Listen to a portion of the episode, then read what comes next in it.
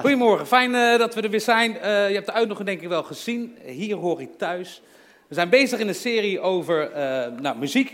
daar zit muziek in, een lied wat centraal staat. En daar omheen willen we iets delen over waar we mee bezig zijn als stadskerk, waarin ik geloof. Dus laat je lekker meenemen. En we beginnen met het lied vanmorgen. Gerard van Maasakkers, een Brabantse liedjeschrijver die al 50 jaar actief is in het Brabants dialect.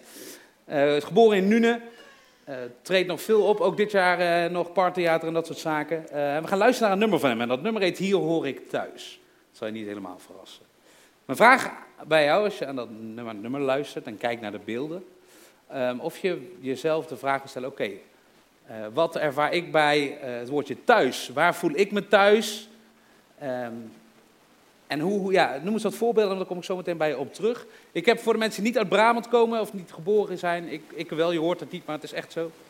Um, heb ik de Nederlandse teksten onder in beeld meelaten.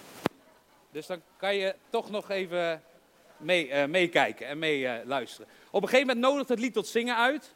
Dat voel je, dan doe je dat. Dat snap je natuurlijk. Hè? Dus dan doen we dat met z'n allen op het einde. Hoop ik. Daar gaan we. Kijk mee.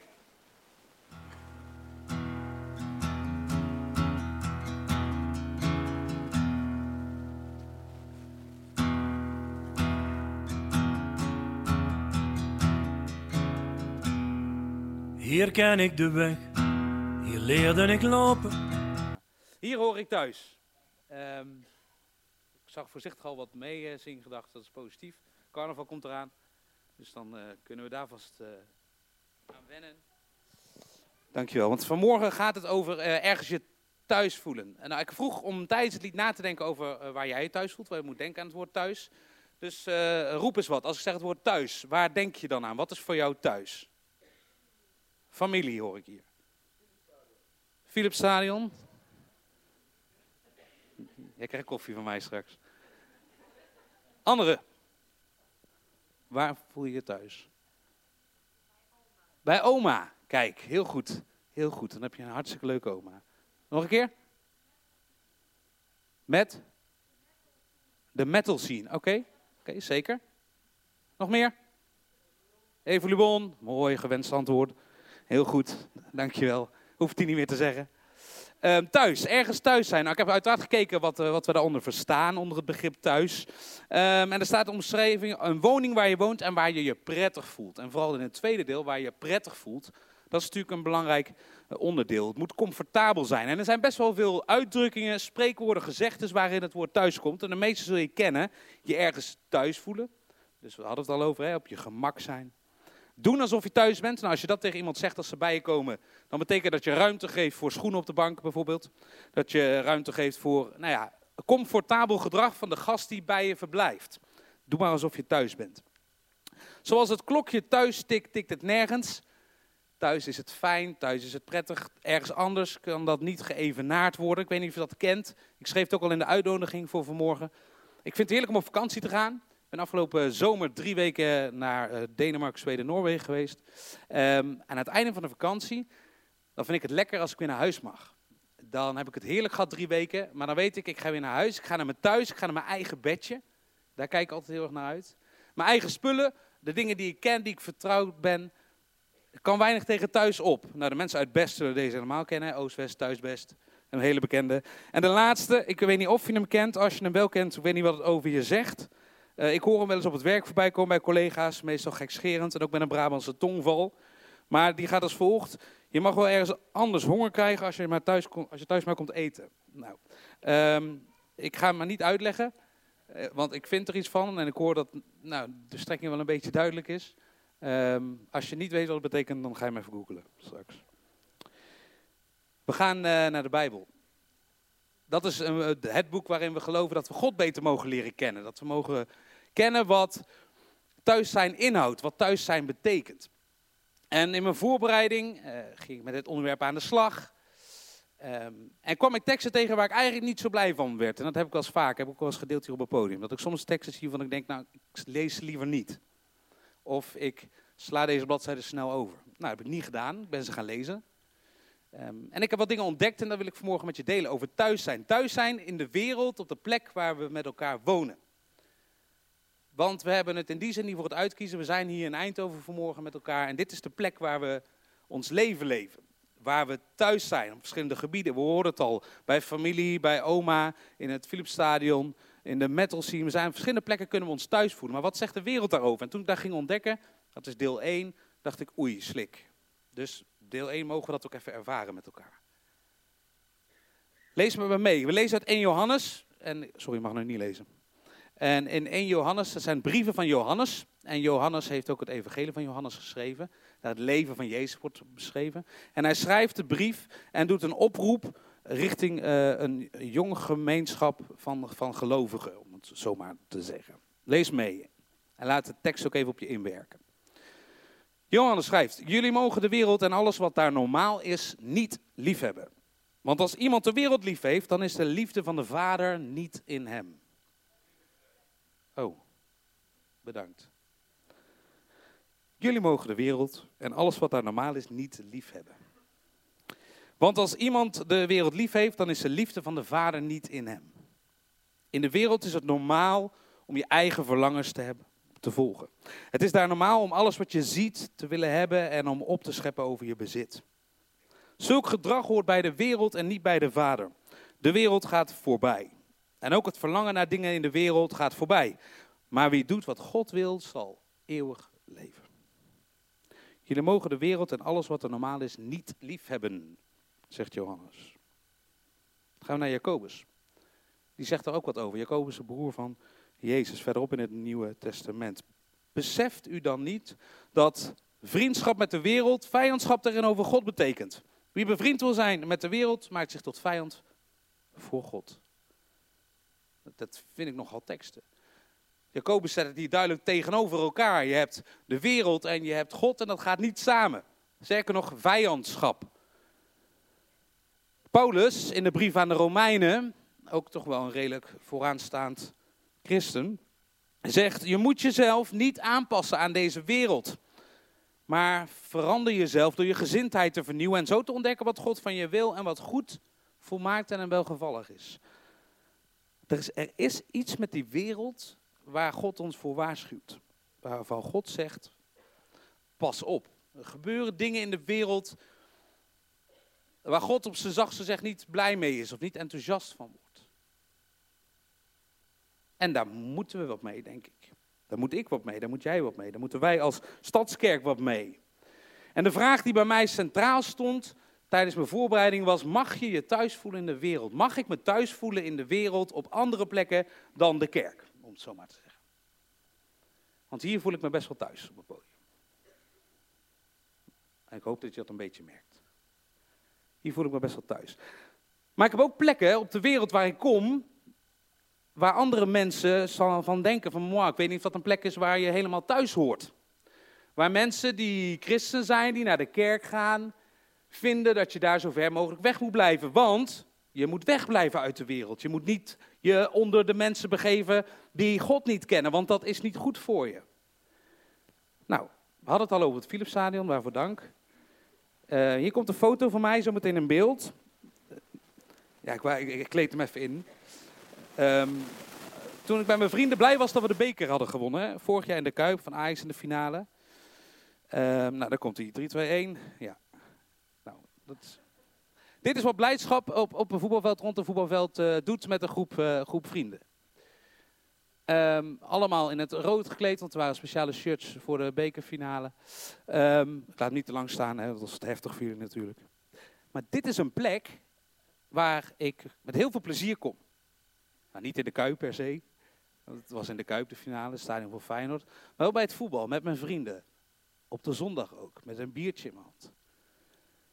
Een plek waar ik me thuis voel. Maar waar ik ook wel eens van gehoord heb van andere mensen die naar de kerk gaan en zeggen: Ja, maar daar hoor jij niet thuis. Daar heb jij niks te zoeken. Ik ben inmiddels 34. Um, bij mijn jongere jaren, ik ben nog redelijk jong hoor, um, ging ik op stap, op stap s'avonds, zaterdagavond de stad in met vrienden. En voelde ik me thuis, voelde ik me prettig. In Eindhoven voel ik me thuis, voel ik me prettig bij mensen om me heen.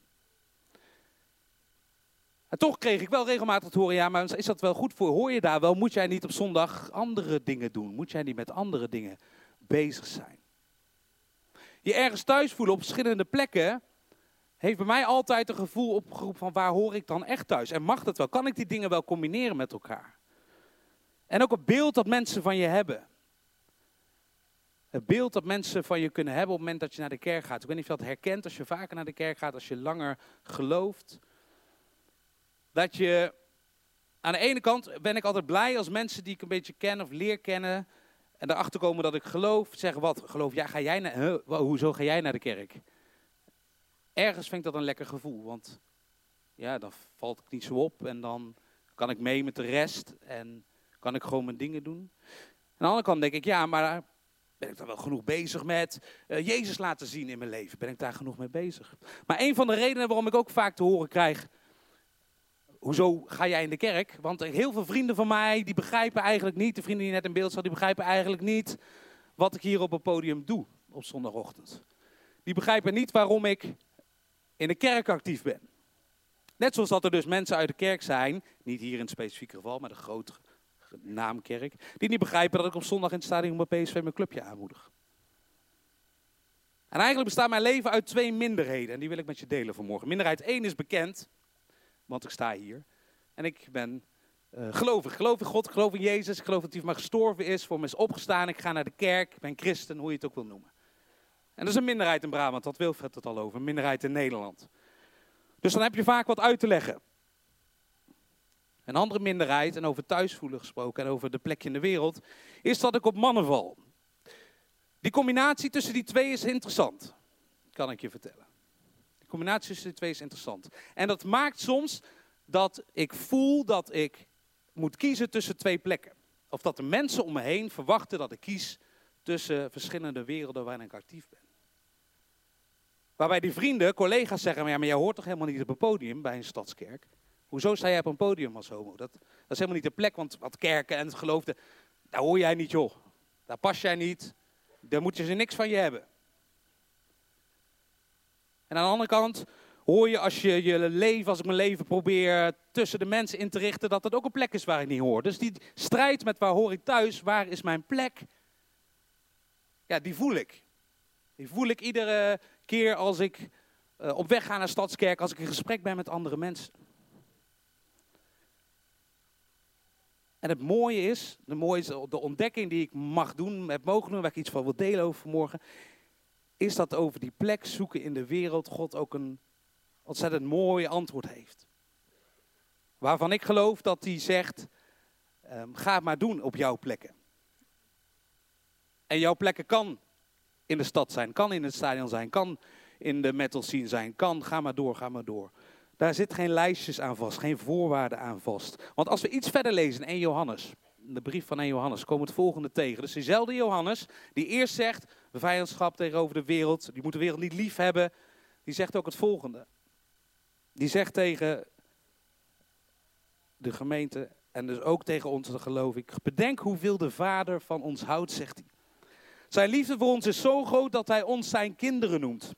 En dat zijn we ook. Maar de mensen die bij de wereld horen begrijpen niet waarom wij Gods kinderen zijn. Dat komt doordat ze God niet kennen.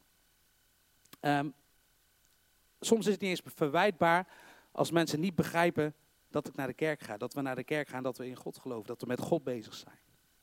Dat geeft mij ook een stukje rust. Dat ik geloof dat ik het niet allemaal hoef te bewijzen aan andere mensen.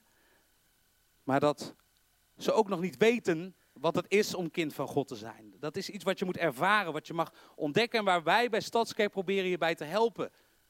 Om steeds meer zelf op zoek te gaan naar wie God is. Hoe groot God is. En verderop in 1 Johannes um, lezen we het volgende, wat Johannes ook zegt over hoe je je tot de wereld mag verhouden. Iedereen die gelooft dat Jezus de hemelse Christus is, zegt Johannes, is een kind van God. Punt. En iedereen die God lief heeft, heeft ook de kinderen van God lief. Hoe weten we dat we Gods kinderen lief hebben? Doordat we God lief hebben en ons aan zijn regels houden. Want God lief hebben betekent dat je je houdt aan zijn regels. Het is voor ons niet moeilijk om aan Gods regels te houden. Want iedereen die een kind van God is, kan het kwaad van deze wereld overwinnen. We overwinnen het kwaad door ons geloof in Jezus Christus. Alleen mensen die geloven dat Jezus de Zoon van God is, kunnen het kwaad van deze wereld overwinnen. Die laatste zin, daar zit natuurlijk ja, zit voor mij de kern. Alleen mensen die geloven dat Jezus de Zoon van God is, kunnen het kwaad van deze wereld overwinnen. Als we kijken naar die versen over de wereld, waarvan er wordt gezegd is goed om de wereld niet lief te hebben, om geen vriendschap met de wereld te sluiten. Dan geloof ik niet, als ik naar heel de Bijbel kijk, dat de Bijbel zegt, wees daar en blijf daar maar weg van. Blijf maar weg van die wereld. En ga lekker in je eigen bubbel zitten met mensen om je heen die ook geloven. Ik geloof dat de Bijbel en Johannes hier ook oproept om het juiste te doen. Om de juiste keuzes te maken op de plek waar God je neerzet. Op de plek waar God je wil zien. En als je kind van God bent, dan is dat niet moeilijk, zegt Johannes. Dan wil je dat doen, dan wil je andere keuzes maken. Sterker nog, ik geloof, als ik ook naar Jezus kijk in de Bijbel, dat je je poten, zoals dat mooi zeggen, in de klei moet hebben staan. Dat dat de plek is waar we mogen vertellen van Jezus, door wie we zijn, door wie we willen zijn, door wat, wat, we doen, de keuzes die we maken. En dat we daarmee verschil mogen maken voor de mensen om ons heen. En dat dat aanstekelijk werkt, daar ben ik van overtuigd. Dat God dan gaat werken, God zijn werk gaat doen. Want als ik naar Jezus kijk, dan zie ik geen man, geen zoon van God die thuis blijft zitten. Veilig in de tempel of op een mooie religieuze plek zijn dingen vertelt. We zien Jezus in de Bijbel erop uitgaan, naar mensen toe. Per voet, per ezel, per boot. Omdat hij daar moet zijn, hij moet bij de mensen zijn, hij moet onder de mensen zijn. En geloof dat het een oproep is als je naar de kerk gaat, als je actief wil zijn met je geloof, dat je met je poot in de klei moet staan en je onder de mensen moet begeven en daar het verschil kan maken. Gisteren reed ik vanuit de hertgang, trainingsplex van PSV, naar het station. Ik ben op zaterdag actief als uh, teammanager bij PSV in de jeugd en ik moest een speler op het station afzetten. En we waren op weg en hij vroeg mij, Matthijs, wat zijn je plannen voor uh, de zaterdagavond? Ik zei niet zoveel, nog even mijn preek doornemen vanmorgen, want ik mag spreken. Dus spreken, ho hoezo, preken, wat, wat, doe je dan? Ja, ik ben bij Stadsgeest 40, mag ik iets delen op het podium over wie God is, waar ik in geloof. En we hadden tien minuten een gesprek over geloven en niet geloven en hoe het dan zat en waar ik benieuwd naar was. En hij is 16 en hij zei, ja, ik weet niet of er iets is, maar ik weet niet of er niks is. En we hadden een open gesprek. Omdat ik geloof dat God situaties creëert daar waar je bent. En dat maakt niet uit of je dan in het Philipsstadion zit, of je dan in de stad bent, of je bij een concert bent op zondag, want dat mag niet op zondag. Gaat om wat je doet, wat je ermee doet. Want als we één belofte hebben in heel de Bijbel, is het de volgende belofte. Jezus woorden zelf, ja, daar wil ik weer mee afsluiten. Jezus zegt, ik ben het licht voor de wereld. Als je mij volgt, leef je niet meer in het donker. Dan hoor je bij het licht dat leven geeft. Als je Jezus kent, als je Jezus gaat leren kennen, ontdekken, dan maakt het niet uit waar je bent, waar je actief bent, dan is het licht van Jezus bij je. En dat zien mensen, dat merken mensen, dan maak je verschil. Juist op de plekken waarvan mensen denken, kom daar maar niet. En daar wil ik je vanmorgen toe oproepen, toe uitdagen. Want als er sommige mensen had gelegen, had ik hier vanmorgen niet gestaan. Want dit is niet mijn thuis. En als er andere mensen gelegen, had ik niet in een stadion gezeten vorige week. Op de zondag, want daar hoor ik niet thuis. Maar ik heb een God. Ik geloof in een God die zegt dat ik overal thuis mag zijn. Met hem. Jezus zei tegen zijn leerlingen, wees niet bang. Vertrouw op God en vertrouw op mij. In het huis van mijn vader is plaats voor heel veel mensen. Daar mag je op vertrouwen. Want ik heb gezegd dat ik wegga om voor jullie een plaats klaar te maken. En als ik voor jullie een plaats klaargemaakt heb, kom ik terug. Dan neem ik jullie mee en dan zullen jullie bij mij zijn, zegt Jezus tegen zijn leerlingen. En vlak hiervoor heeft hij verteld dat hij gaat sterven en dat hij door een van zijn vrienden wordt verraden. En dit zijn Jezus' woorden. We zijn hier tijdelijk. We hebben hier tijdelijk een taak op deze wereld. En ik hoop dat je je thuis voelt bij de plekken waar je bent. Waar je mag zijn, waar je het licht van Jezus mag meenemen. Uiteindelijk horen we thuis niet in de stadskerk. Horen we niet thuis in het Philipsstadion, horen we niet thuis in de stad. maar geloof ik dat we thuis horen bij God. Hier hoor ik thuis, maar waar ik ook heen ga, bij God hoor ik thuis.